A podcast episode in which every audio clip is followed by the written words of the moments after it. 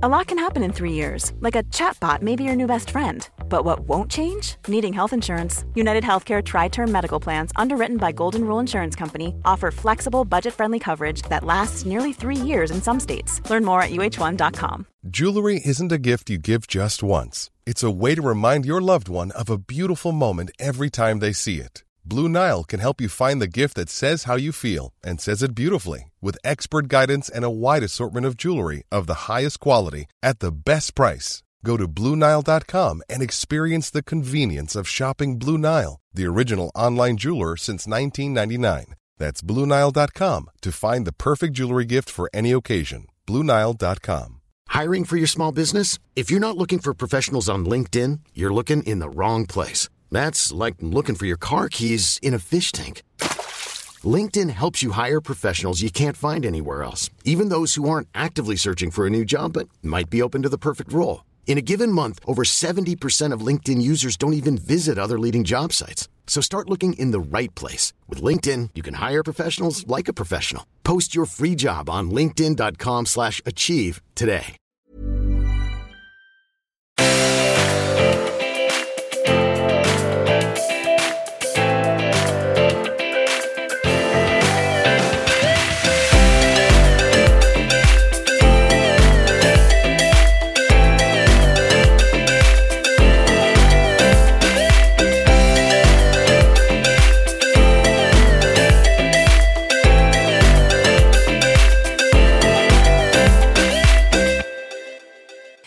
Allesammans och välkomna tillbaka till podden avsnitt nummer 149. Nio. Ska jag säga en grej som vi absolut inte får säga egentligen? Oh my god, jag kan inte fatta att det har gått 149 Nej, jag avsnitt. tänkte säga att nästa vecka så är vi halvvägs till 200 efter 100. Ja, jag bara Matilda, 150 plus 150 halvvägs till 300. Ja, det är med. Ja, det är verkligen en milstolpe nästa vecka. Kan man verkligen, alltså ja, jag tycker bara att det är så, jag blir typ lite skrämd av tanken att det finns 150 avsnitt där vi sitter och pratar om allt. Alltså det känns lite så skrämmande som att folk kan komma för nära inpå. Ja, men Andrea, så här, vi har ju pratat om vår oskuld liksom.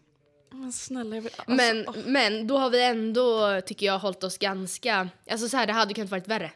Eh, ja, verkligen. Skulle du säga att det finns någonting i podden som du har ångrat att du har delat med dig av eller sagt? Eller? Alltså grejen är så här, jag har inte lyssnat på till exempel oskuldsavsnittet sen vi släppte det. Men jag minns att när jag gjorde det så hade vi inte ångest och vi fick, alltså det hade vi inte. Nej. Och eh, vi fick väldigt mycket bra kritik för det för att vi, alltså för att jag vill minnas det som att vi inte satt och sa Alltså vi var ju inte sexuella på det sättet utan vi pratade mycket mer kring att man inte ska göra det ifall man inte vill och så. Men det är väl någonting som jag kan känna lite så här, men var vi tvungna att liksom det kanske inte var nödvändigt. Jag vet, fast å andra sidan så det är inte, vadå att förlora oskulden är väl inte egentligen kontroversiellt eller? Nej men alltså så här, det som jag tycker är alltså, lite problematiskt det blir väl att folk bara ja men snälla gör inte till en stor grej. Och det är så här, jag tycker inte det. Men det kan ju, alltså man måste också se skillnaden mellan så här, jag tycker inte att det är en stor grej att förlora oskulden men jag kanske tycker att det är en stor grej att dela med mig av det till hundratusentals som lyssnar. Ja. Förstår du Ja, skillnaden? men för grejen är att så här, jag tror jag har dragit det här exemplet tidigare, men när jag var på Håkans konsert i somras och det var fullsatt Ullevi 70 000 och jag hade aldrig sett så mycket människor och vart, fick nästan svindel för jag bara vad är det här för individer? Tänk att alla är här för att se Håkan, fy fan vad mäktigt. Och jag menar alltså inte att mena att vi är mäktigare än Håkan men jag var Nej. så här, åh herregud det här är typ en liksom en fjärdedel. Ja men exakt, och de som lyssnar varje månad. Och alla de här människorna gånger fyra har lyssnat på hur jag förlorar oskulden. Alltså det är klart att man sätter det i perspektiv då. Alltså, Ja, alltså jag tränar ju vid Globen. Mm. Och ofta när det till exempel är en så tillställning, jag bara, alltså vänta, alltså, människorna slutar aldrig komma från tunnelbanan, alla bara går in i Globen. Hur kan det finnas så mycket människor? Hur kan så många människor vilja så gå på en match typ? Och då brukar jag också bara, alltså vänta vad tar Globen? Typ 15 000? Mm. Det är liksom lite om man jämför med hur många som lyssnar på den här podden. Mm. Då får man panik. Då Matilda, panik. tänk om alla poddlyssnare skulle alltså, slussas på tunnelbanor. Alltså det skulle bli kaos i tågtrafiken. Vad kul. Ja, det är faktiskt helt sinnessjukt. Undrar Alltså, hur länge de kommer lyssna på oss. Ja. Känner du lite så här, som Therese Lindgren, hon börjar känna nu att så här, gud jag kanske inte, jag kommer nog inte kunna hålla på med det här efter 2017 och haft ångest över det. Känner du att så här, hm, gud, tänk om inte vi kan hålla på med det här efter 2017? Mm, nej, det tror jag inte. Eller alltså jag menar nej, jag tror inte att det kommer vara över efter 2017. För grejen är den att alltså, det finns ju vissa så influencers som verkligen så slår så jäkla stort. Så himla snabbt eller vad man ska säga. Och där blir det lätt kanske att folk, alltså det här är inte liksom riktat till Therese Lindgren, utan att kanske folk tröttnar. Medan vi, jag tror inte att folk liksom överkonsumerar oss Nej, och därmed inte det. tröttnar. Alltså förstår du vad jag menar? Det är, ja, jag vet inte, jag hoppas inte det, herregud. Nej, men sen är det också så att då får ju vi bara expandera. Ja, göra något nytt. Mm, helt enkelt. Men eh, idag så ska vi prata om ett ämne som vi typ har pratat om tidigare. Vilket är att, eh, eller så här egentligen, vi tänkte prata om att göra slut, att bli dumpad, slash att komma över någon eller något. Mm, om heartbreaks typ egentligen, rent generellt. Ja. Och på tal då om att göra slut, kan du till exempel ångra, ja men så här i efterhand, kan du ångra att ditt ex gästade podden? Ja, det kan jag verkligen ångra. Det Mm. kan jag verkligen ångra. Eh, Eller så här, inte för att jag... Alltså egentligen ångra, jag vet inte. Det är mest bara för att det känns bara jättemärkligt att han ska vara en del av den här podden. Mm. För, det, alltså för att det känns så... Det var ett helt annat liv. Och jag tror inte att han har någonting emot det för då skulle han väl sagt så här, hej ta bort mig. Ta bort det där avsnittet. Men det tycker jag ändå känns konstigt och sen så något år senare så har jag med en ny kille i podden. alltså tänk om jag ska göra slut och så om ett år så sitter jag här med någon Fredrik liksom Ja. Som gästar podden. Men jag vet inte. Samtidigt som livet händer. Ja, men alltså det blir väl också för att så här, herregud varför skulle du tänka så då? Men vet du vad också? Jag har lite ångest över det avsnittet också för att det inte är ett bra avsnitt. Jaha, jag, inte, jag har väl inte Nej men, jag, nej men alltså jag vet, jag vill minnas det som att det var ganska stelt och typ Anton och mitt ex hade aldrig träffats förut. Och det var liksom inte så bekväm stämning och vi var väl inte heller så alltså vi hade väl inte ens hunnit bli bekväma i det. Jag menar, hade, Nej. hade vi haft en podd nu där Oscar och Anton hade varit med då hade ju vi kunnat styra oss. Ja, jag vet inte, vi hade kunnat göra det bättre ifrån oss och få dem att bli bekväma. Men det här var typ avsnitt 25. Nej men jag tror till och med, alltså Matilda jag tror seriöst typ det var avsnitt 10. Ja men så vi var inte ens varma i kläderna ännu. Så skulle vi med några som inte heller var varma i kläderna så satt vi där som fyra nervösa tonåringar. Och De var ju typ tvingade. Ja de var ju tvingade dessutom. Nej det kan jag ha lite ångest över. Det är inte Det- så alltså, pass bra. Det enda jag- jag typ har ångest över det är ju vissa avsnitt som vi har råkat släppa lite felklippta. Det kan man ju också ha ångest över. det är också en sån här grej som man... Det är också en sån över. grej som man kan få lite panik över ibland och det tänker vi inte gå in på vad det har varit. Ni Nej. som vet, ni vet ju men det har ju hänt några gånger under årens gång. Ja, och, Och det är så här, ja, vissa grejer har vi inte ens kunnat rädda nej. och vissa grejer har vi räddat. Och så, ja, det kan man ju ha lite panik över. Och det är också så här, man bara, ja tyvärr, sånt händer. Alltså det suger verkligen. Men det är så här, som vi har sagt, förr eller senare så går det ju tyvärr åt pipan. Ja, men och det, då kanske ni bara, men hur kan det ens hända? Och då är det så här, ja men om vi sitter och så testar vi mickarna eller liksom eller det att vi sätter på inspelningen och från det att vi sätter oss ner så har någon hunnit ordbajsa någonting som inte skulle med i podden. Och så tänker man på att ja, men när man ska klippa att ja, men podden blir ju bra. Ja men jag skummar igenom den bara. Jag, sä- jag lägger in jingeln i början och sen så Ja, lyssna. klipper jag i slutet. Ja men typ. Eller, ja men exakt. Eller att man att vi har sagt någonting i podden så bara ah, men gud eh, glöm inte att det här ska jag klippa bort. Man Men bara, det ah! kommer vi aldrig ihåg. Nej, vi kommer Matilda, jag vet inte hur många gånger det har hänt att vi Ja. bara, klipp bort det här sen. Mm. Till exempel den gången du skulle säga upp dig. Åh oh, gud. Jag tror det var första gången vi fuckade en Ja. klippning, eller jag. Men det var också så konstigt, då klippte alltid Så jag. stelt. Och då var det så svårt för mig att komma ihåg Ja, vad du ville skulle klippas bort. Mm. Och då blev det ju ännu mer ångest att jag hade lagt upp någonting som verkligen, alltså då var det mitt Det ansvar. var så stelt. Andrea, alltså det som hände det var att jag sa ju alltså i podden att jag skulle, vad var det jag sa? Att jag skulle säga upp mig. Från McDonalds. Ja. Ja. Och jag visste att, eller nej jag visste inte men jag, jag, det, fa- i och med att det fanns många, det fanns en risk att det fanns någon av mina kollegor som lyssnade. För att, eh, inte för att de var så här fangirlade så men just för att de visste att jag hade en podd, jag hade berättat det och vissa av dem tyckte det var en kul grej. ja, och de var i våran ålder, typ Ja. Eh, Ja nej gud vad stelt. Ja, så det ska var man inte faktiskt göra liksom. lite obehagligt. Nej. Men eh, ja. Så Och kan sen är det det så här, alltså grejen är den att också vissa gånger har det ju hänt att man har klippt podden rätt och sen Mm. råkat ladda upp fel fil. Ja det har ju också hänt.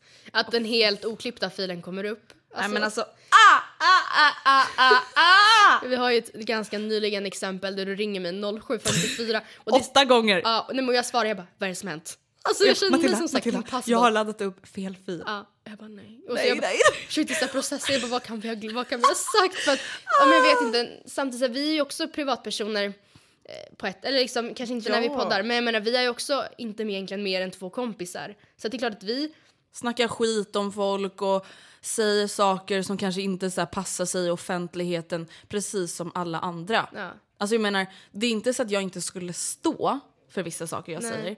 Men jag vill ju fortfarande inte att hundratals tusens människor ska höra det jag säger för det är ganska onödigt. Nej, men det kan vara saker som är så privata mellan dig och Anton. Eller det kan vara som du vet att ja, men, så här, Anton vill, hade inte velat att det här kom ut i podden. Ja. Och sen Eh, bara... och sen så kom det ut i podden och så... Men samtidigt är det verkligen så här, det hade kunnat vara så mycket värre. Alltså Ja. de sakerna som har hänt, det har ändå varit så här lindrigt. ja, det har det. Det har varit, nu händer det där i din hals igen! Ja, Men jag vet inte vad... Andrea, du vet att det här händer ju inte mig annat än när jag poddar. Jag vet inte om det är att du så här pratar så länge att din hals bara... Morrar. Nej, men bara grrr, typ. Nej, men jag känner inte att jag... Alltså vissa saker kanske jag känner att jag ångrar. Typ. Fast ändå inte, alltså så här, du vet. Jag vet inte, ja men typ så här, ibland när man bara oj jag kanske delar med mig lite för mycket. Och det är så här, kanske ingenting som de som lyssnar reflekterar över. Nej. Men som man själv kanske känner att så här, gud nu typ pushade jag mina limits Har du något lite exempel? för mycket. Mm, no, inte vad jag kan komma på nu på rak arm. Men jag vet ju att jag har känt så liksom. Eh, ja. För jag har liksom inte haft så mycket strategi, alltså, någon strategi egentligen för att inte... Det är inte så att jag har vissa ämnen som jag bara gud det här vill jag verkligen inte prata om men någonting som jag inte gör oavsett vilket eh, media det är, alltså format, oavsett om det är podden eller bloggen eller Youtube, det är att jag inte jag brukar inte poängtera någonting som jag har komplex över eller som jag själv tycker att jag är dålig på just för att jag vill inte att det ska föda tankar i andras huvuden. Förstår du? ja, jag förstår verkligen. Och det där tror jag... Det där kan jag tänka mig att vi inte tänkte på i början när vi hade podden. Säkert, för då visste vi inte vilken hu- alltså, omfattning. Också för till en början så var det inte lika många som lyssnade. Men vi hade nog ingen aning om att det skulle bli så här många. Nej, och sen var det så här, man får faktiskt komma ihåg att när vi startade den här podden, vad var vi, 16-17? Typ. Så att vissa grejer jag vet att vi sa då hade jag inte sagt idag. Och det är inte Nej. så här värsta grova sakerna. Men till exempel det kan ha varit så här, ja det här hade jag komplex över. Mm. Eller jag, eh, ja men jag vet inte. Alltså, sen var det också så här, det var åsikter jag hade då. Ja, Som jag inte har idag. nej. Nej men det handlar väl om att om jag vill säga att jag har komplex över att jag har jättestor näsa. Eh, nu har jag alltså inte det, för det skulle jag inte säga det. Men eh, då vill jag, alltså men så här rent generellt, jag hade nog aldrig varit så medveten om mitt utseende om det inte var för att man var i den branschen man var. För att man får höra saker som man kanske inte ens själv har tänkt på. Eh, Så man bara, men gud det är ju typ sant. Eller även fast man inte tycker det, men så, "Ha, gud ty- tycker folk Jaha, så? är det så? Ja, jaha, är, är, min näsa, är min näsa stor? Typ så. Ehm, och därför vill jag då inte titta och bara, men jag tycker det är så jobbigt för min näsa är så sjukt stor. Jag menar alltså inte att det är fult, men vi säger att jag hade haft komplex för det. Mm. Ehm, då vill inte jag att folk ska börja se det också. Nej, och inte att folk ska alltså, så här, tänka, jaha är det fult att ha en stor Nej, näsa? Vad har jag? Jaha. Alltså, nej, det blir bara jättekonstigt. Man vill inte föda någon tanke åt något håll. Nej. liksom. Men idag ska vi som sagt prata om heartbreaks. Ja, egentligen. Skulle du säga att du någon gång har fått ditt hjärta krossat? Eh, Alltså det beror på. Det är min mormor har gått bort. Eh, och det var den av mina mor och farföräldrar som stod mig allra närmst. Dels för att vi bodde geografiskt närmast men också för att vi umgicks det allra mest med henne. Eh, och, men, alltså, men det kanske inte var med de flesta klassar som ett heartbreak. Nej, men samtidigt, alltså, det kan ju fortfarande varit någonting som du alltså, har varit med om som har varit väldigt jobbigt. Liksom. Ja, jo, men det skulle jag ändå säga för hon var väldigt ung. Hon var bara 60. Eh, hon var väldigt så här, pigg och kry. Den man minst anade skulle dö tidigt egentligen för hon var så himla aktiv och så himla pigg och sådär. Men, Det kom lite som en chock typ. Ja men verkligen och sen så hon dog i cancer.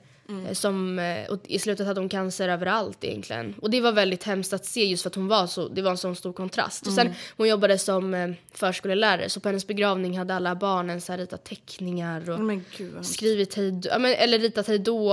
Ja men det var jättehemskt. Men, men om man ser till, ehm, Till kärlek typ. ja nej då har jag ju inte det. Eller jag har ju dumpat någon.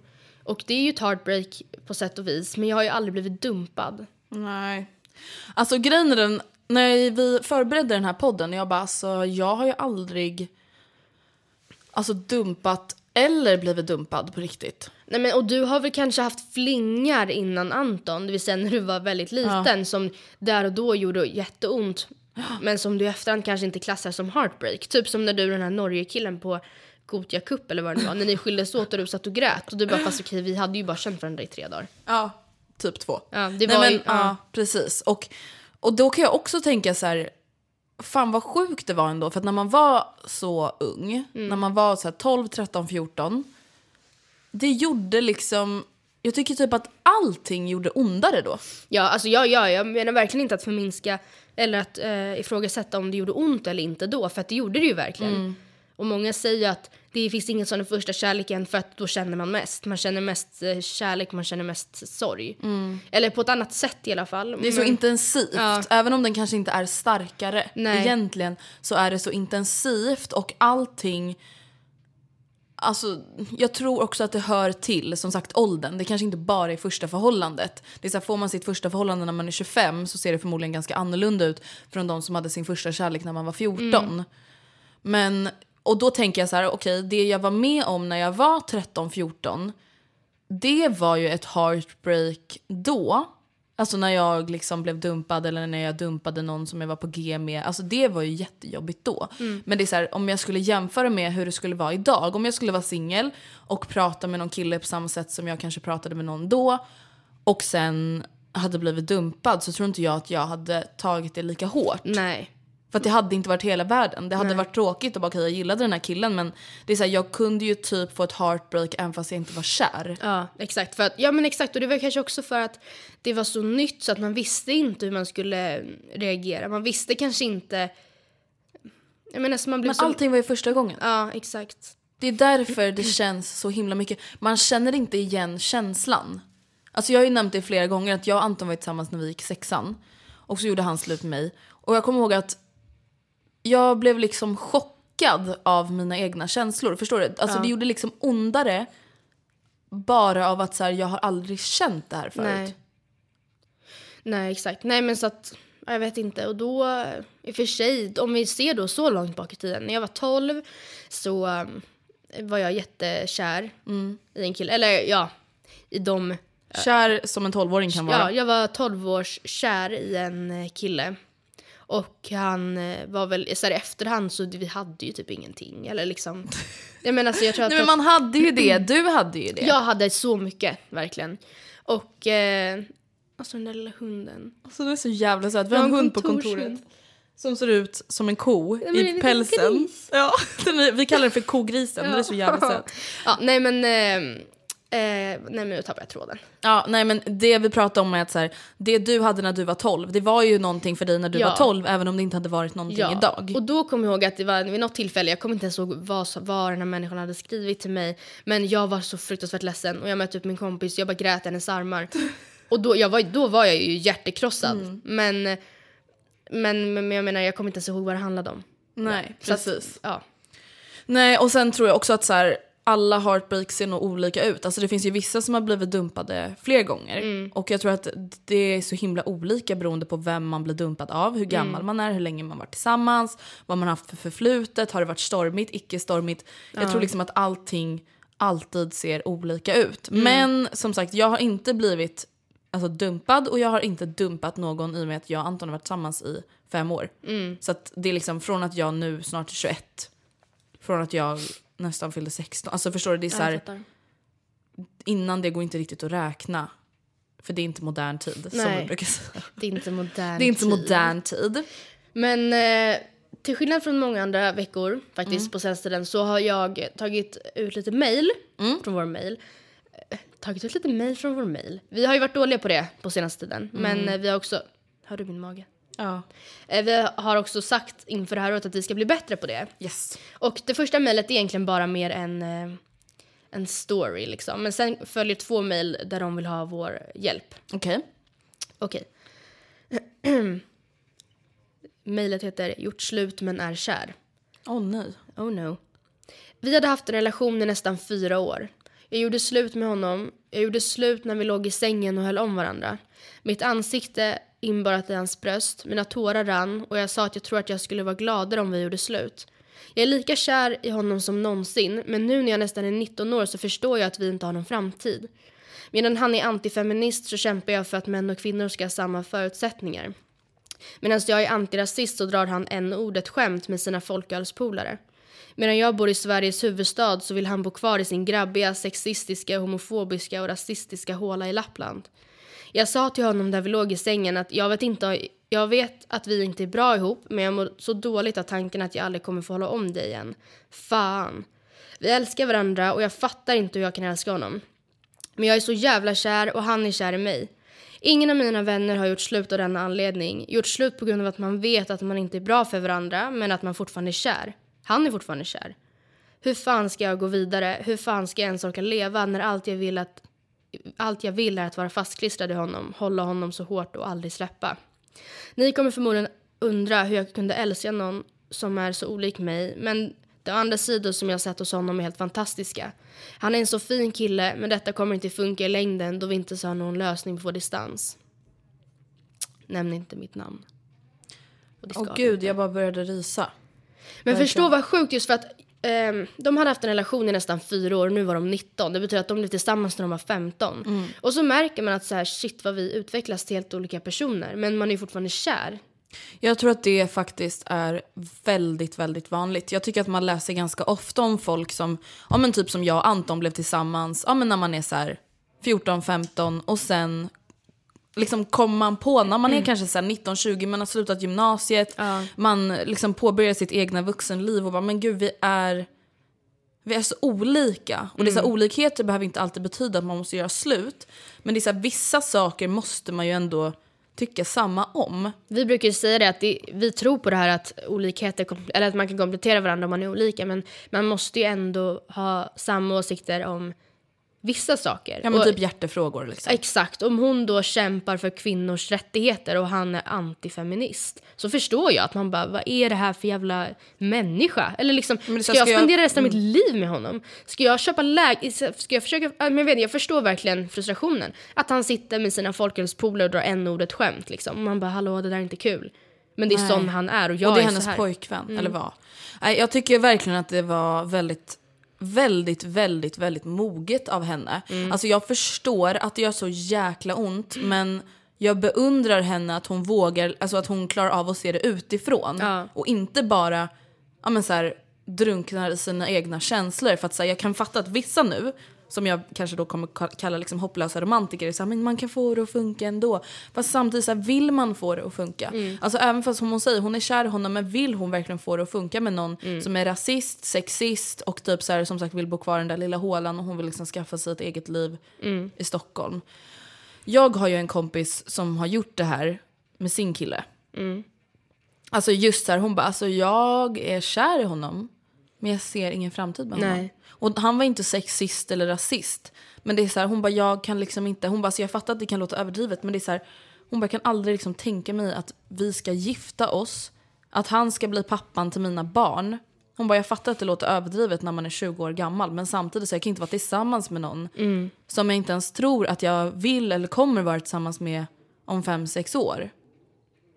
Så att, ja, jag vet inte, jag tycker att det var helt rätt beslut och jag tror att det är många som sitter i liknande situationer. Som sagt, även fast det kanske inte handlar om att vara rasist och sexist så grovt. Nej. Ja men verkliligen. Och speciellt då kanske, jag tänker ju bara på, de bodde ju så långt ifrån varandra. Hon sa att de har vi inte ens en lösning på distans. Och hade Oskar pluggat kvar i Jönköping och vi hade haft tre år, alltså på distans. Så hade jag också känt en hopplöshet, såhär gud jag är jättekär i honom men jag orkar inte Nej, sitta i tre år och liksom inte kunna träffa honom. Typ. nej. Det är så här, vad blir det för förhållande? Ja, Nu vill inte jag deppa ner alla som har distansförhållande men nej ni vet ju att det är alla bra tycker för oss olika. men, ja. Okej, Nästa nästa, mejl. Hej Matilda och Andrea. Jag hoppas att ni ska spela in en podd om förhållanden och att göra slut. Jag är övertygad om att det är väldigt många där ute, inklusive mig, som skulle uppskatta det. Jag har själv en ganska svår situation i mitt förhållande. Och det här ska jag bara tillägga, det här är en, vi har nog aldrig haft en sån här situation riktigt. Eller vi har i alla fall inte tagit upp det. Min pojkvän och jag har varit tillsammans i två år och vi älskar varandra väldigt mycket men vi har stött på ett problem i vårt förhållande som vi blundar för. Vi är rädda att det här är ett problem som kan tära på vårt förhållande i längden men behöver inte nödvändigtvis göra det. Mycket trots allt upp till oss. Problemet ligger i att vi är lite olika när det kommer till vad vi gillar när det gäller sex. Min pojkvän vill testa på nya saker och utforska BDSM, att jag främst ska vara den dominanta, men jag känner mig inte bekväm med det. Det här är jobbigt för mig då det känns som att jag inte ger honom det han vill ha. Vi är i övrigt väldigt nöjda med vårt förhållande och vi har pratat om det här mycket men det är svårt att komma fram till en lösning. Han respekterar att jag inte vill och han har aldrig tvingat mig till något men jag mår dåligt och det känns som att jag inte uppfyller hans behov inom situationstecken. Det känns fel vilket vi än gör. Struntar vi i det helt betyder det att han måste tränga undan hans intresse för sånt sex men att jag ska göra det trots att jag mår dåligt känns också fel. Är det fel av mig att inte göra det han vill förväntas det av mig då jag älskar honom. Jag känner mig väldigt förvirrad av denna situation. Vi älskar varandra jättemycket och vi har pratat om att kompromissa när det gäller sex och även försökt lite men det är svårt när jag mår så dåligt så fort jag ska göra något. Min kropp säger bara nej. Det blir liksom inget bra av det. Det känns som att hur mycket vi än älskar varandra och hur äkta vår kärlek än må vara så räcker det inte till. Jag får en klump i magen, en rädsla om att detta problem kommer vara destruktivt för oss, trots att vi älskar varandra väldigt mycket. Vad gör man i en sån situation? Göra slut vill vi inte, men det känns inte bra att strunta i problemet heller. Man kan ju inte rå för hur man är som person och vad man gillar och inte. Det är ett väldigt känsligt ämne och det känns som att det inte finns en lösning på detta. Vad skulle ni gjort i en sån situation? Gud, vilket intressant och svårt problem. För att som du säger, det här har vi aldrig tagit upp Nej. förut. Och jag kan verkligen tänka mig att så, även om det inte handlar om BDSM så är det nog många som kanske sitter i en situation där man ja, men kanske har helt olika syn på sex. Där någon kanske känner så här, ja men för att det ska funka för mig då vill jag ha sex två gånger om dagen. Eller att man har en partner som bara vill ha sex en gång varannan månad. Jag tror att det liksom finns väldigt olika Och det finns ju inget rätt eller fel. Det är som hon säger att det är inte fel att gilla BDSM och det är inte fel att inte gilla BDSM. Men det blir väldigt jobbigt ifall den ena är väldigt för och den andra är väldigt emot. Och hon frågar då liksom, är jag skyldig? Sam- Samtidigt som hon besvarar även sin egen fråga för hon vet ju att att hon inte är skyldig. Och han har ju aldrig tvingat henne. Men jag förstår ändå det här jobbiga att säga, men okej, men om han, om han vill ha det och jag inte kan ge honom det. hur, vad händer då? Ja. Alltså grejen är den att, det är så här, jag fattar att många av er redan fattar det men jag vill ändå bara säga det. Alltså när det kommer till någonting så liksom känsligt så, för många, som sex, så ska man ju verkligen bara göra det man själv känner sig bekväm med. Vissa människor kan ju känna sig bekväm med att ställa upp för vad ens partner kanske gillar ibland. För att man bara, men jag vet att han eller hon gillar det här. Det känns inte jobbigt för mig även om jag själv inte skulle ta initiativ till det. Nej. Men känns det jobbigt så ska man verkligen aldrig göra det. Men i det här fallet då handlar det om att han vill att hon ska vara den dominanta, hon ska gå in i en roll. Och jag förstår att det, är- det är inte bara att göra. Det är en grej så man kompromissar, men han gillar att göra den här ställningen, det är en helt annan grej. Det är inte jobbigt för mig, jag tycker bara inte den är lika nice. Ja men då får man ju, då får man ju kompromissa tycker jag. Ja, då tycker jag så, alltså, så länge det typ inte gör ont eller Ja, men det är det whatever, då kanske man bara okej men om vi kör din grej först så vill jag köra min grej sen. Exakt. Alltså, men samtidigt som, för först tänkte jag såhär, men gud det är ännu svårare också att han ber henne vara dominant. Men samtidigt det måste också vara jobbigt att veta att så här, okej han vill att jag är undergiven, han vill göra illa mig. Han, han vill alltså att jag ska finna mig att han vill vara hård mot mig. han, han vill verkligen vara Mr Grey och jag Ja. vill inte vara Anastasia. Nej. Det blir jättekonstigt. Alltså, så ingenting är ju värre än det andra. Men det är också väldigt svårt att hon då ska gå in och vara så här. Jag vet inte exakt vad det innebär att vara dominant. Jag antar att det är olika från olika fall. Men jag ser framför mig att han liksom ligger bunden och hon ska typ spänna på... Alltså hon ska typ... Smiska honom. Smisk, ja. Det är Typ jättesvårt att, om man inte är bekväm med det. Ja, att bara det- säga come a little Jag kan, ju, jag kan ju erkänna att jag skulle ju inte klara av att göra så mot Anton. Nej men nej, precis, det är det också. Man bara, okej, fast jag har inget behov av att liksom strypa dig. Nej, det är så här, jag Dra skulle aldrig håret. må bra av att, alltså det är så här, jag personligen skulle inte tycka om att typ så här, spänna fast Anton. Alltså jag hade bara, vad gör vi? Ja, och men- jag fattar verkligen att vissa människor tycker det är kul. Men det är så här, som sagt, hade Anton bett mig, jag hade bara, alltså jag är ledsen men nej. Nej. Och då blir jag så här, okej vad, vad är lösningen? Ska han typ så här, jag vet inte, kolla på BDSM-porr? Ska han få ha sex med andra? Ja för det låter ju väldigt eh, liksom drastiskt men å andra sidan så är det ju jag tror säkert att det finns människor eller i förhållanden som får lov att göra så till slut. Liksom. Jag menar inte att det är det som är lösningen men jag vet inte. För så här, risken är ju att, att han... För det är ju så, om, om han inte känner att, att hon kan ge honom det han vill ha. Ja, alltså det är väldigt psykiskt påfrestande att veta att hela tiden, så här, varje gång de har sex, så vet hon att så här, det här är egentligen inte riktigt det han vill ha. Nej. Exakt, Och och, då- hur länge kommer det- han stanna då? Och det jag undrar också är så här, alltså är det någonting, alltså så här, njuter han inte av vanligt sex? Eller är det bara att så här, han gärna skulle vilja testa för att det är, så här, han, det är bara i hans lilla så här, drömfetisch? Ja, då kanske han får liksom stå ut med att det inte kommer hända. Men är det typ så här, det enda han tänder på? Då är det ju ett väldigt stort problem. Fast samtidigt även, alltså jag skulle fan också må skitdåligt av att veta att så här, man vet att han hela tiden går runt och hoppas på att det här ska hända och man vet själv att jag vill aldrig att det här ska hända. Nej. Hon skriver ju min pojkvän vill testa på nya saker och utforska BDSM så det låter ju som att han är lite så här, men kan vi inte säga men att han, han Kan inte är, du typ så här spänna fast mig? ja, Och bara, ja, precis. Att han är öppen till, han vill testa nytt och hon är lite mer så här, jag vet inte riktigt. Alltså jag tycker absolut att så här, alltså, samtidigt så här, jag vill inte liksom få det att låta som att hon ska testa för hans skull. Men om du aldrig har testat det, du kan ju testa det. Du kanske tror att du inte gillar det och sen kanske du gillar det. Du kan ju testa det i tre sekunder och sen om du inte gillar det så absolut. Men samtidigt känns det som att hon tydligt vet att hon verkligen inte vill. Men vad ska hon göra då? Hon har liksom ångest över att hon vet att hon inte kommer vilja. Och sen, vi vill inte göra slut men hur länge kommer han stanna i ett förhållande där han inte får vad han behöver? Ja, och hur länge vill hon stanna i ett förhållande där hon känner sig otillräcklig? Jag Ja, tycker vad typ skulle att du ni, gjort, Jag Andrea? tror att jag hade verkligen så här. Jag hade nog bara, Anton. Alltså det här gör så ont i mig men det här kommer aldrig hända. Nej. Det här kommer aldrig hända. Alltså i vårt förhållande så kommer det aldrig, aldrig ske. BDSM, att jag är dominant över dig. För att det Eller är tvärtom. ingen, ja, eller tvärtom. Det är ingenting jag är intresserad av. Och nu är det upp till dig att välja Mm. om du liksom nöjer dig med mig och vårt sexliv så som det är. För att annars kan inte vi vara tillsammans. För att det är ändå en ganska stor del av vårt förhållande att Mm. ha ett sexliv tillsammans. Så att jag hade nog lagt det på honom. Även om det, alltså som sagt, det är skitjobbigt men samtidigt är det så här, som sagt det är en stor del av förhållandet. Och jag fattar verkligen att det blir som en elefant i rummet som de bara båda kanske försöker låtsas som att det inte finns. Men jag hade nog verkligen alltså försökt, ja men lite så här lagt alla korten på bordet och bara krävt ett svar. Ja, men jag skulle verkligen först vilja känna att jag har gjort allt jag kan som känns okej för mig. Alltså det vill säga testat i den mån som det känns okej för mig att testa och verkligen eh, ja men så att jag vet att jag har verkligen gett, gett ett försök eller vad man säger och jag vet att nu, jag vet med facit i hand att det här kommer inte hända. Och sen då fråga just min partner, alltså så här är det, det kommer aldrig hända. Hur Ja, ja, och sen kanske verkligen så fråga exakt vad är det du skulle vilja göra. Alltså exakt vad är det du skulle... Om han bara, nej men jag skulle bara vilja att du säger lite så här grymma saker till mig. Då kanske hon bara, okej men det kan jag typ stå ut med. Men om han säger grövre saker, eller ä- ens det och hon bara, fast nej, det där går inte. Att de verkligen benar ut vad är det han vill. För att hon ska kunna ta ett så här tydligt ställningstagande till om hon vill eller inte. Mm, precis.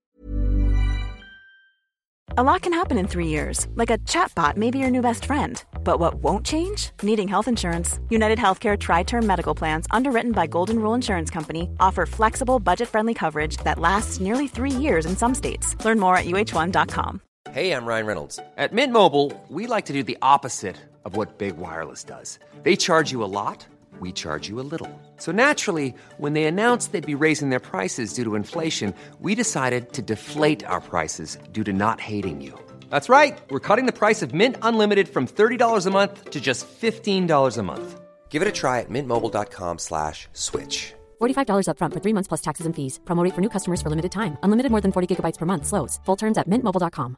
Quality sleep is essential. That's why the Sleep Number Smart Bed is designed for your ever evolving sleep needs. Need a bed that's firmer or softer on either side? helps you sleep at a comfortable temperature? Sleep Number Smart Beds let you individualize your comfort so you sleep better together. JD Power ranks Sleep Number number 1 in customer satisfaction with mattresses purchased in-store. And now, save 50% on the Sleep Number limited edition Smart Bed for a limited time. For JD Power 2023 award information, visit jdpower.com/awards. Only at a Sleep Number store or sleepnumber.com. Imagine the softest sheets you've ever felt. Now imagine them getting even softer over time. That's what you'll feel with Bowl and Branch's organic cotton sheets. In a recent customer survey, 96% replied that Bowl and Branch sheets get softer with every wash. Start getting your best night's sleep in these sheets that get softer and softer for years to come. Try their sheets with a 30-night guarantee. Plus, get 15% off your first order at bowlandbranch.com. Code BUTTERY. Exclusions apply. See site for details. Planning for your next trip? Elevate your travel style with Quince. Quince has all the jet setting essentials you'll want for your next getaway, like European linen, premium luggage options, buttery soft Italian leather bags, and so much more. And is all priced at 50 to 80% less than similar brands. Plus, Quince only works with factories that use safe and ethical manufacturing practices. Pack your bags with high-quality essentials you'll be wearing for vacations to come with Quince. Go to quince.com slash pack for free shipping and 365-day returns. Okej, ska vi ta nästa mejl? Nästa mejl. Hej Matilda och Andrea. Jag blev så glad när ni nämnde att ni skulle göra en podd om att göra slut, då jag är mitt i det dilemmat. Jag är 20 år gammal och har nyss gjort slut med min pojkvän slash sambo. Vi var tillsammans i ett år. Problemet mellan oss var att vi hade kommunikationsproblem. Han hade svårt att öppna upp sig och är väldigt konflikträdd medan jag älskar deep talks och avskyr småprat som till exempel vädret eller jobbet. Eftersom vi var så olika på den fronten kände jag att den enklaste lösningen är att jag får tona ner den sidan av mig själv. Allt annat i vårt förhållande var underbart och jag älskar honom väldigt mycket. Men som man brukar säga så är nyckeln i ett bra förhållande god kommunikation. Eftersom jag är en känsloperson som behöver uttrycka allt jag tycker och tänker kände jag mig väldigt instängd när jag inte kunde göra det med honom. Jag känner igen mig väldigt mycket i er två så ni kanske kan föreställa er hur det skulle kännas om ni inte kunde vara känslosamma med er partner. Jag började må väldigt dåligt och min familj och vänner började nämna att jag verkade nedstämd och förändrad. Jag insåg hur illa jag påverkades av detta och förstod att jag inte kan ändra honom och vi gjorde slut. Det var det värsta beslut jag har gjort. Han tog det väldigt hårt och hade inte alls tankar på att det var dåligt i vårt förhållande trots att jag påpekat många gånger att jag behöver en förändring. Han bad mig tänka om och att han skulle försöka bättra sig och anpassa sig efter vad jag ville men jag har svårt att tänka att man kan ändra en sån del av sig själv. Han säger att han väntar på mig och att han fortfarande älskar mig. Jag mår otroligt dåligt av allt det här och pendlar ständigt mellan att försöka igen eller att gå vidare. Jag kan inte ens föreställa mig mig själv med någon annan och vill egentligen bara ha honom. Men tanken om att falla tillbaka i samma mönster skrämmer mig. Jag vet inte om jag ska samla kraft och mod till att försöka igen eller inse att vi inte var rätt för varandra och gå vidare. Era synpunkter är guld värda. Tack så hemskt mycket för att ni finns. Kram. Ja, jag får så mycket ångest i mitt bröst. Alltså jag tycker att det är så jobbigt just med de här historierna där folk... Det är så här, man bara, det funkar. Ja. Men det är inte riktigt tillräckligt när man ändå känner att jag vill verkligen vara med den här personen. Men- alltså det ja, måste ju exakt. vara enklare att göra slut när man bara fast alltså jag har inte ens känslor för den här personen. Jag är inte ens, Nej. alltså just när man bara jag, är, alltså jag älskar den här människan, jag är kär men hans, det här persondraget det kommer inte funka. Nej, för att jag har det här Och personlighetsdraget. jag kan ju verkligen känna alltså igen mig, jag hade fått panik. Mm. Om jag inte hade kunnat liksom öppna upp mig känslomässigt och fått någon respons Mm. På samma nivå. Sen är så här, Anton är inte riktigt lika crazy som jag är kanske. Men Nej, men han, han accepterar ändå att du är så och kan Bemöta hantera det. det. och kan bemöta det. Och vill inte, så fort du tar upp någonting, att du bara gud det här känns jättejobbigt, att han bara okej men eh, jag, ehm, jag ska bara gå, hejdå. Ja. Ja men konflikträdd, jag hade tyckt att det var jätte, jättejobbigt som Ja. hon nämner. Ehm, fan, ska hon, frågan är alltså, ska hon satt, försöka igen? Ge Ja. honom en chans? För de har ju gjort slut. Men det jag känner är, min första spontana tanke är så här: nej. För att det hon nämner är ju att hon har gett honom chanser, hon har bett honom förändra sig. Ja. Och då förstår jag inte varför det skulle bli skillnad nu. Hon har ju ändå sagt till honom att det här funkar inte, jag behöver en förändring Och om ingenting fortfarande sker, varför skulle han göra det nu? Alltså det Ja, han men- säger nu är väl en ja. ren desperation. Ja, men som hon säger också, det här är inte heller någonting som man bara kan förändra med sig själv. Det är inte så att man bara okej, okej, jag ska sluta gå runt naken hemma. Typ, om det nu är det som stör. Men för det är någonting som man faktiskt kan med enkla medel förändra. Det är inte en egenskap hos sig själv. Han är konflikträdd. Han tycker inte om att sitta och snacka om djupa samtal på tisdagsmiddagen medan hon har behov av det. Och att han inte har förändrat sig tidigare trots att hon har sagt att, han, att hon vill det kan ju vara för att han bara men alltså det här är så jag är liksom. Ja, och även om han skulle förändra sig så tror inte jag att han kommer bli känslosam på riktigt. Nej. Förstår du? Då, då kommer det vara en sorts fasad för att Mm. göra henne nöjd. Alltså det låter kanske jättehemskt av mig att säga så men jag tror inte, alltså det är som att Anton skulle bara Andrea snälla kan du sluta vara så känslig? Nej, jag kan inte det. Nej. Det är omöjligt för mig att inte vara så känslig som jag är. Sen kan jag absolut öva på att inte ta saker så personligt eller att alltså, inte överreagera. Men jag kommer ju alltid vara en känslomänniska. Jag kommer ju alltid börja gråta om jag blir sur eller ledsen eller Ja men förstår, det är så att sådana saker går inte att ändra tror jag. Nej, och sen i det här fallet så hade ju hennes vänner och familj sagt att hon verkade förändrad och nedstämd. Och, så här, och samtidigt säger hon att hon älskar honom så himla mycket, hon vill inte se sig själv med någon annan. Och grejen är så här, nu har aldrig jag blivit, eller jag har ju gjort slut. Och jag kan säga att det, det kommer kännas så i början. Att man inte kan se sig själv med någon annan. Och man har varit tillsammans länge och ja, men man, man älskar honom men det här funkar inte. Eh, och jag tycker ändå att hon borde tänka på att inte... Men tänka just på varför hon till slut gjorde slut. Ja. För att om hon nu älskar honom så mycket men ändå gjorde slut då, då finns det ju saker som hon inte kunde se förbi eller vad man säger. Och ehm, ja, jag vet inte, jag tänker bara att det, det kommer göra ont. Ja, det, alltså det är det som är grejen. Det kommer alltid göra ont och jag förstår att så här, det hon tänker nu, jag tror att hon tänker att så här, det kanske blir lite så här, plåster på såren. Alltså förstår du att om, om jag bara tar tillbaka honom så kommer det sluta göra så ont. Då kommer det sluta vara så jobbigt för då, allting kommer bara bli som vanligt igen.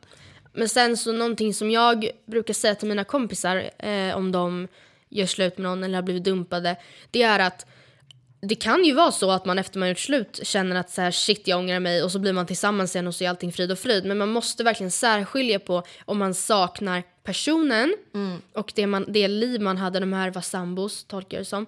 Eller ifall man saknar att vara i ett förhållande eller att ha någon. För det är ju självklart att även fast det inte är Alltså trots att de har det här problemet så var det säkert mycket som var bra och hon kan sakna att de här kvällarna eller morgnarna på helgerna när man vaknar tillsammans och så här.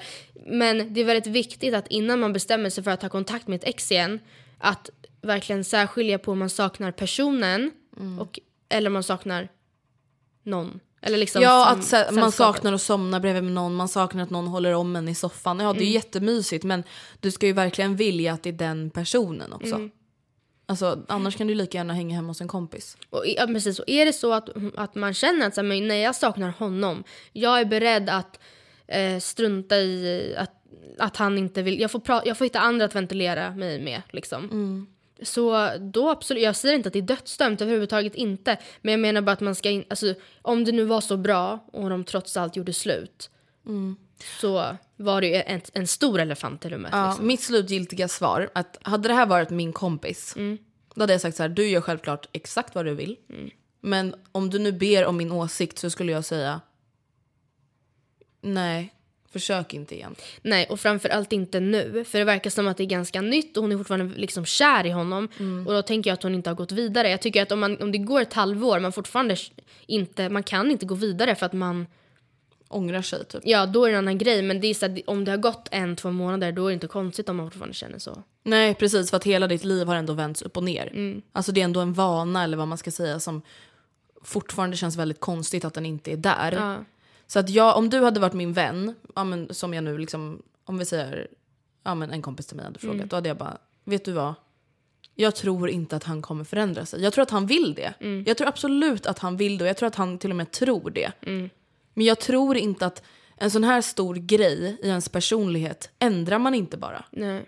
Alltså det är lite som att be, be oss sluta vara stora syster, kontrollerande, planerande. Alltså så här, Mm. Ja absolut, jag kan förbättra mig att sluta ta ut det över Anton men jag som person kommer alltid att vara så här. Ja. Verkligen. Så att, ja, tyvärr. Är mitt svar. Gud vad hemskt. Ja, jo, men du gör som sagt vad du vill, alltså lita på din magkänsla. Men nu har du ju ändå bett om våra åsikter. Vad är ditt slutgiltiga svar? Ja, men det är väl egentligen samma. Att försöka att gå vidare och ge det mycket tid. Och eh, om det fortfarande känns likadant när det har gått mycket tid och man eh, borde ha kommit vidare. Liksom. Om man inte är det, då tycker jag absolut att du ska eh, börja se möjligheterna. Men eh, ja, jag vet inte. Nej, jag, jag, jag tror att det var bäst att de gjorde slut. Men någonting som vi också har fått mail om, det är ju många som står i liksom valet och kvalet om de ska göra slut. Ja. Att de inte har gjort slut än, utan de är så här. Hur vet man att man behöver göra slut? Och det tror jag verkligen är en fråga som många, kanske inte ens har mejlat till oss, men som många i förhållanden går runt och tänker på. Det är så här, är det bra? Ska vi göra slut? Eller är det här bara en fas? Alltså hur, hur skulle du säga att man vet när det är dags att göra slut? Alltså, hmm. Grejen är, jag ser att göra slut som något väldigt, väldigt stort. Alltså, det är ju faktiskt att man väljer att avsluta, man vill inte ha det här mer. Och jag tänker att om man har kommit så långt i sina tankar att det här nog inte ens bara är en, en svacka utan jag, vi kanske måste göra slut. Om man ens kommer så långt i sina tankar då tror jag att man jag säger inte att då ska man göra slut, men då tycker jag att man ska ta de tankarna på allvar i alla fall. Och inte bara säga, ah, ja whatever, och stöta bort dem i ett halvår till och hoppas på att det blir bättre. Eh, men sen tycker jag, om det nu är så att man känner så, så ska man ju inte dölja det för sin partner, även fast det är jättejobbigt att säga, säga att jag, jag, vill inte, jag, tror, jag vill inte göra slut, men jag tror att vi kanske behöver göra slut. Men samtidigt så, om båda är medvetna om att okej, nu är det faktiskt eh, inte bra, så tror jag också att man vidtar åtgärder på ett annat sätt än att man bara stöter bort de tankarna och så dör förhållandet ut långsamt. Alltså jag tror att precis som allt annat i livet som är läskigt så försöker man ju att undvika de här tankarna. Som du säger, man försöker stöta bort dem. Ursäkta dem typ. Men jag vet att ni som lyssnar nu, som funderar på det här. Jag tror att de flesta vet att det här är inte bara en liten fundering. Nej. Det här är någonting ni vet att ni behöver göra. Som ni skjuter på, som ni stö- alltså, stoppar undan. För att man inte riktigt vågar, för att man inte orkar. För att man inte orkar liksom förstå att det här är på riktigt. Jag tror att det är väldigt vanligt att, man, att många verkligen så skjuter upp att göra slut. Just för att man bara, nej men det, det kanske blir bättre. Ja, men och just för att om man, speciellt om man har varit tillsammans lite längre så är det så mycket som man gör slut med. Det är inte bara personer utan det är så här, ja gud men hans lägenhet eller hans familj och alla hans kompisar. Det är liksom ett helt paket. Så jag förstår att man inte bara okej, nu har jag de här tankarna, då ringer jag väl honom i eftermiddag då. Det är klart att det är en stor grej men jag tänker bara att har man kommit så långt att man börjar tänka i de banorna, då är det ju allvar. Alltså, sen så måste man ha i åtanke att bara för att det är dåligt en månad så betyder inte det att man behöver göra slut Nej, verkligen inte. man ska ju inte ta fram de tankarna i onödan. Liksom. Det är inte så att man Nej. ska pressa fram att men gud det är verkligen inte bra och överdramatisera saker för att det kommer finnas perioder när man bara stör sig på varandra och man, man är inte så gulliga mot varandra och man kanske är stressade och så hinner man inte med varandra och det betyder inte att man ska göra slut. Men eh, det är väl det som är svårt att veta. Okej, när vet jag om det bara är en svacka? Ja, men jag tror ändå att så här, egentligen om man sätter sig ner och liksom rannsakar sina egna tankar, då är det så här, okej vänta. Är, är jag trött på honom eller henne som person och vårt förhållande? Eller är jag irriterad för att jag har haft det stressigt på jobbet och han inte ser det? Alltså förstår du, det är så här, självklart har man svackor i sina förhållanden. Men jag tror också att det är, man vet innerst inne om man tänker de här tankarna på grund av så här, ja, men, ja vi, vi bråkade igår, herregud, vem bryr sig? Eller om det liksom på riktigt är dåligt. Ja, jag tror också det. Alltså jag tänker bara, tänk skillnaden på att göra slut, ja men typ sen när man går i skolan och inte bor tillsammans. Eller om man inte bor tillsammans överhuvudtaget. Men tänk åt att göra slut när man är sambos.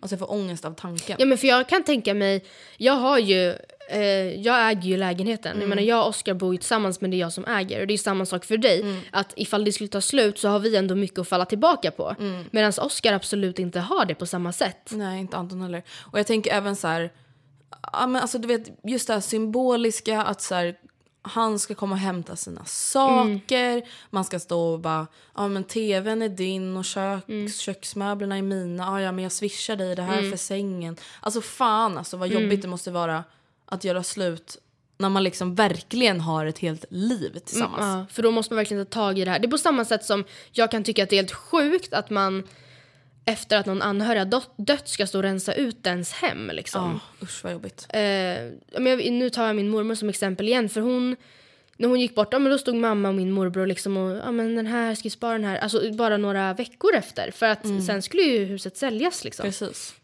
Eh, och det måste ju vara, det är ju lite samma sak där. Att, att det blir så himla, det blir så sorgligt. Att då ska vi stå där och ta det praktiska när man egentligen bara vill hem och gråta. Så ska vi stå här och liksom pruta ner priset på sängen. Alltså Nej men nu har den ju faktiskt fallit i värde. Den skulle inte kosta 10 000 om vi sålde den på Blocket så du får bara 2 5. Men snälla nån, det var ju du som spillde köttfärssås i soffan. Det var inte jag. Du kan ju inte be mig betala hälften av fulla priset när det är du som har spilt bolognese i soffan. Fy fan. Alltså tänk vad jobbigt liksom. Mm. Fy. Alltså en annan sak som många gör istället för att göra slut det är ju att ta en paus. Tror du på pauser? Det beror liksom helt på vad man menar med paus. För att en paus ska ju inte vara en anledning där man får två veckor att leka av sig. Nej, det Alltså- är lite så jag också känner. Att man säger, men gud jag, känner, jag får ångest av tanken att jag bara ska vara med dig hela livet. Jag är jättelycklig men alltså jag känner liksom att jag skulle verkligen behöva åka på en resa och bara få leka av mig. Vi tar paus. Det tycker jag absolut inte är legitimt. Nej.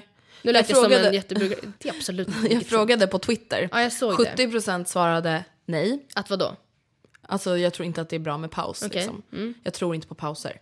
Eh, och 30% ja. Och så här, också om vi ska reda ut. Jag tror inte på pauser där man bara okej vi är slut nu. Så hörs vi igen om en månad. Nej. Och så försöker vi bli tillsammans. Alltså just för att så här, nej, nej, nej. Det kommer bara sluta med att någon blir sårad. Jag tror absolut på pauser ifrån varandra. Jag tror absolut att vissa kan vara så här, vet du vad? Jag tror att om man till exempel bor tillsammans, jag tror att det är bra om du bor hemma hos dina föräldrar i två veckor. Alltså jag tror att vi behöver liksom ja, men fundera över vårt förhållande. Sådana typer av pauser tror jag absolut kan vara nyttiga för många.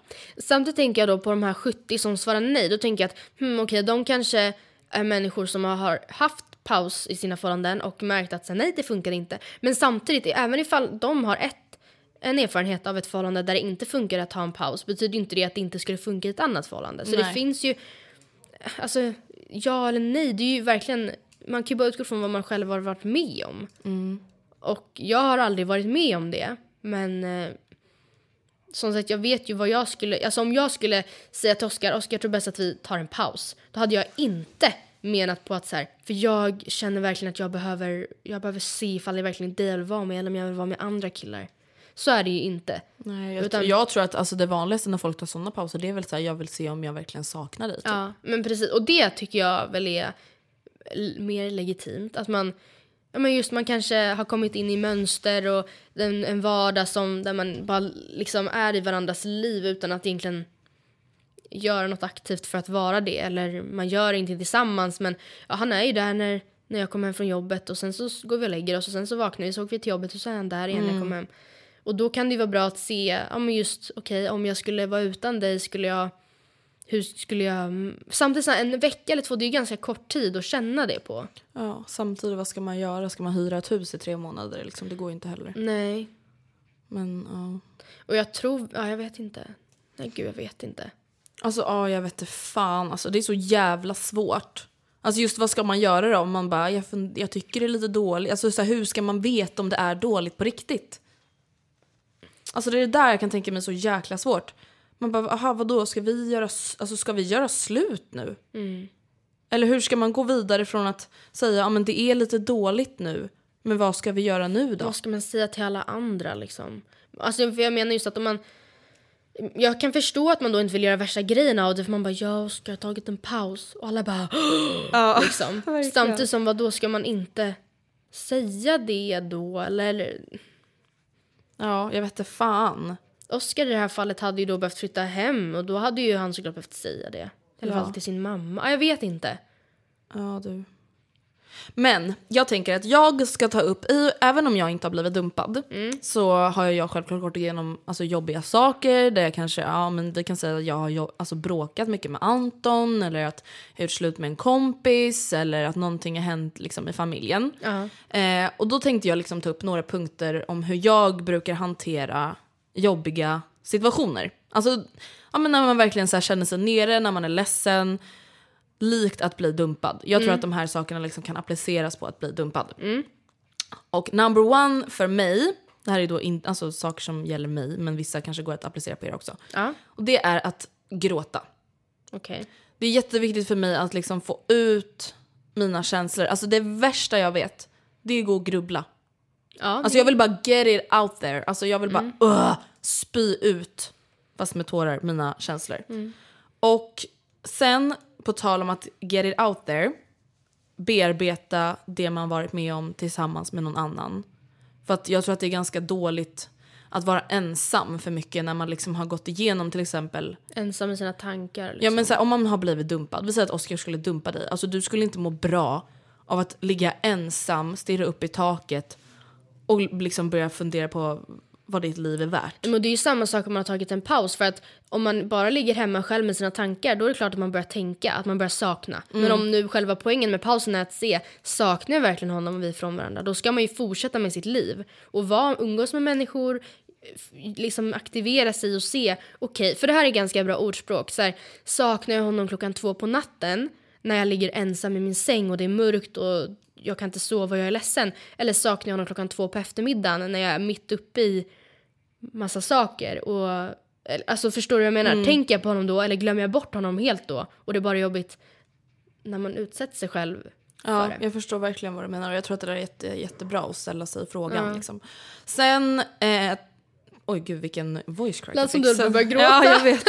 jag Sen, på tal om get it out there number two, så tror jag att det är väldigt, väldigt, väldigt nyttigt att skriva ner vad man känner. För att det, det finns ju vissa saker som kanske är, så jobbiga att säga till en kompis. Det är så här, vi, säger att, ja, men vi säger att jag och Anton skulle göra dåligt nu och jag funderar på att göra slut. Då kanske jag bara orkar säga att ja, det är dåligt mellan mig och Anton. Jag kanske inte skulle våga säga att så här, jag funderar på att göra slut. Nej.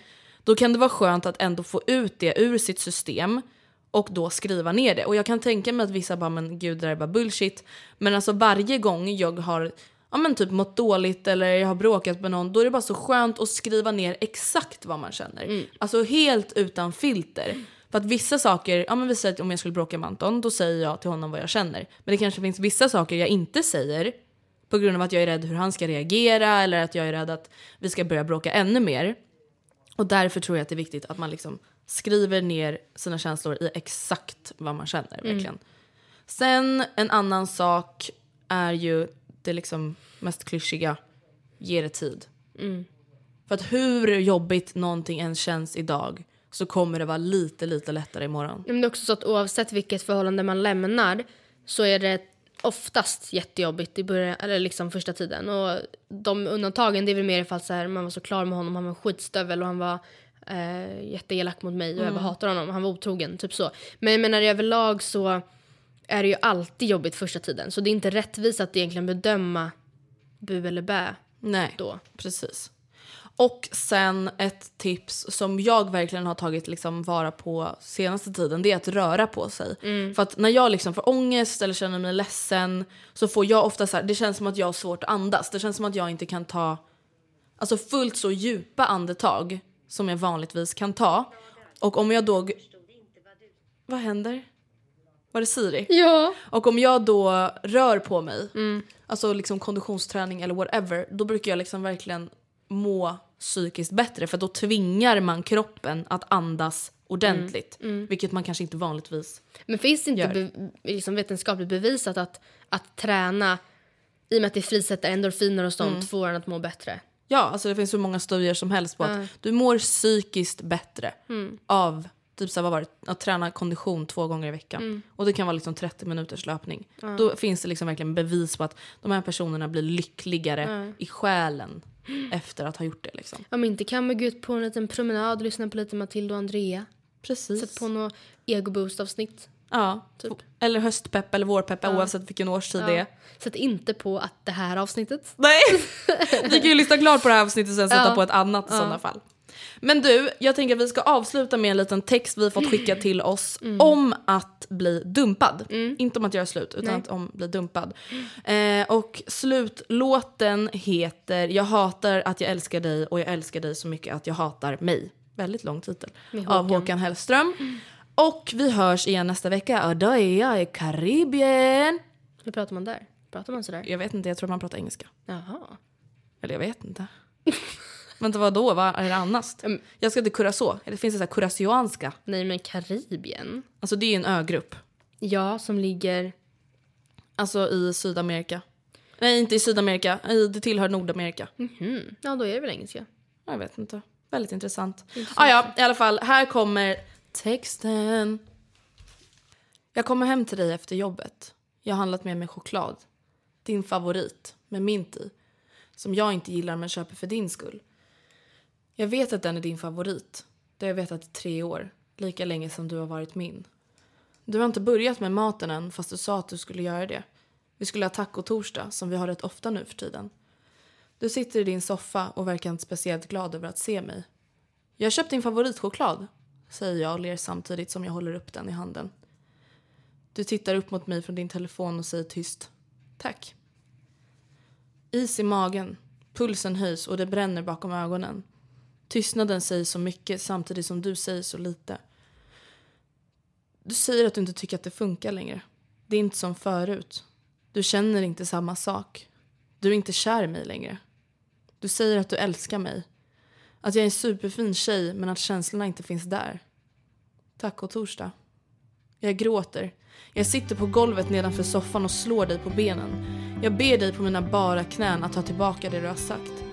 Jag har panik. Det känns som att jag ska dö. Som att det är du som avgör om jag snart kommer kunna få tillbaka andan igen eller inte. Men andan kommer inte tillbaka, eller hur? Jag kommer inte få någon luft från dig. Jag har hört att du träffat någon och jag hör att han är allt jag inte var. Och jag hör att du är säker nu och jag vaknar med den tanken varje dag. och jag hör att han är den rätte.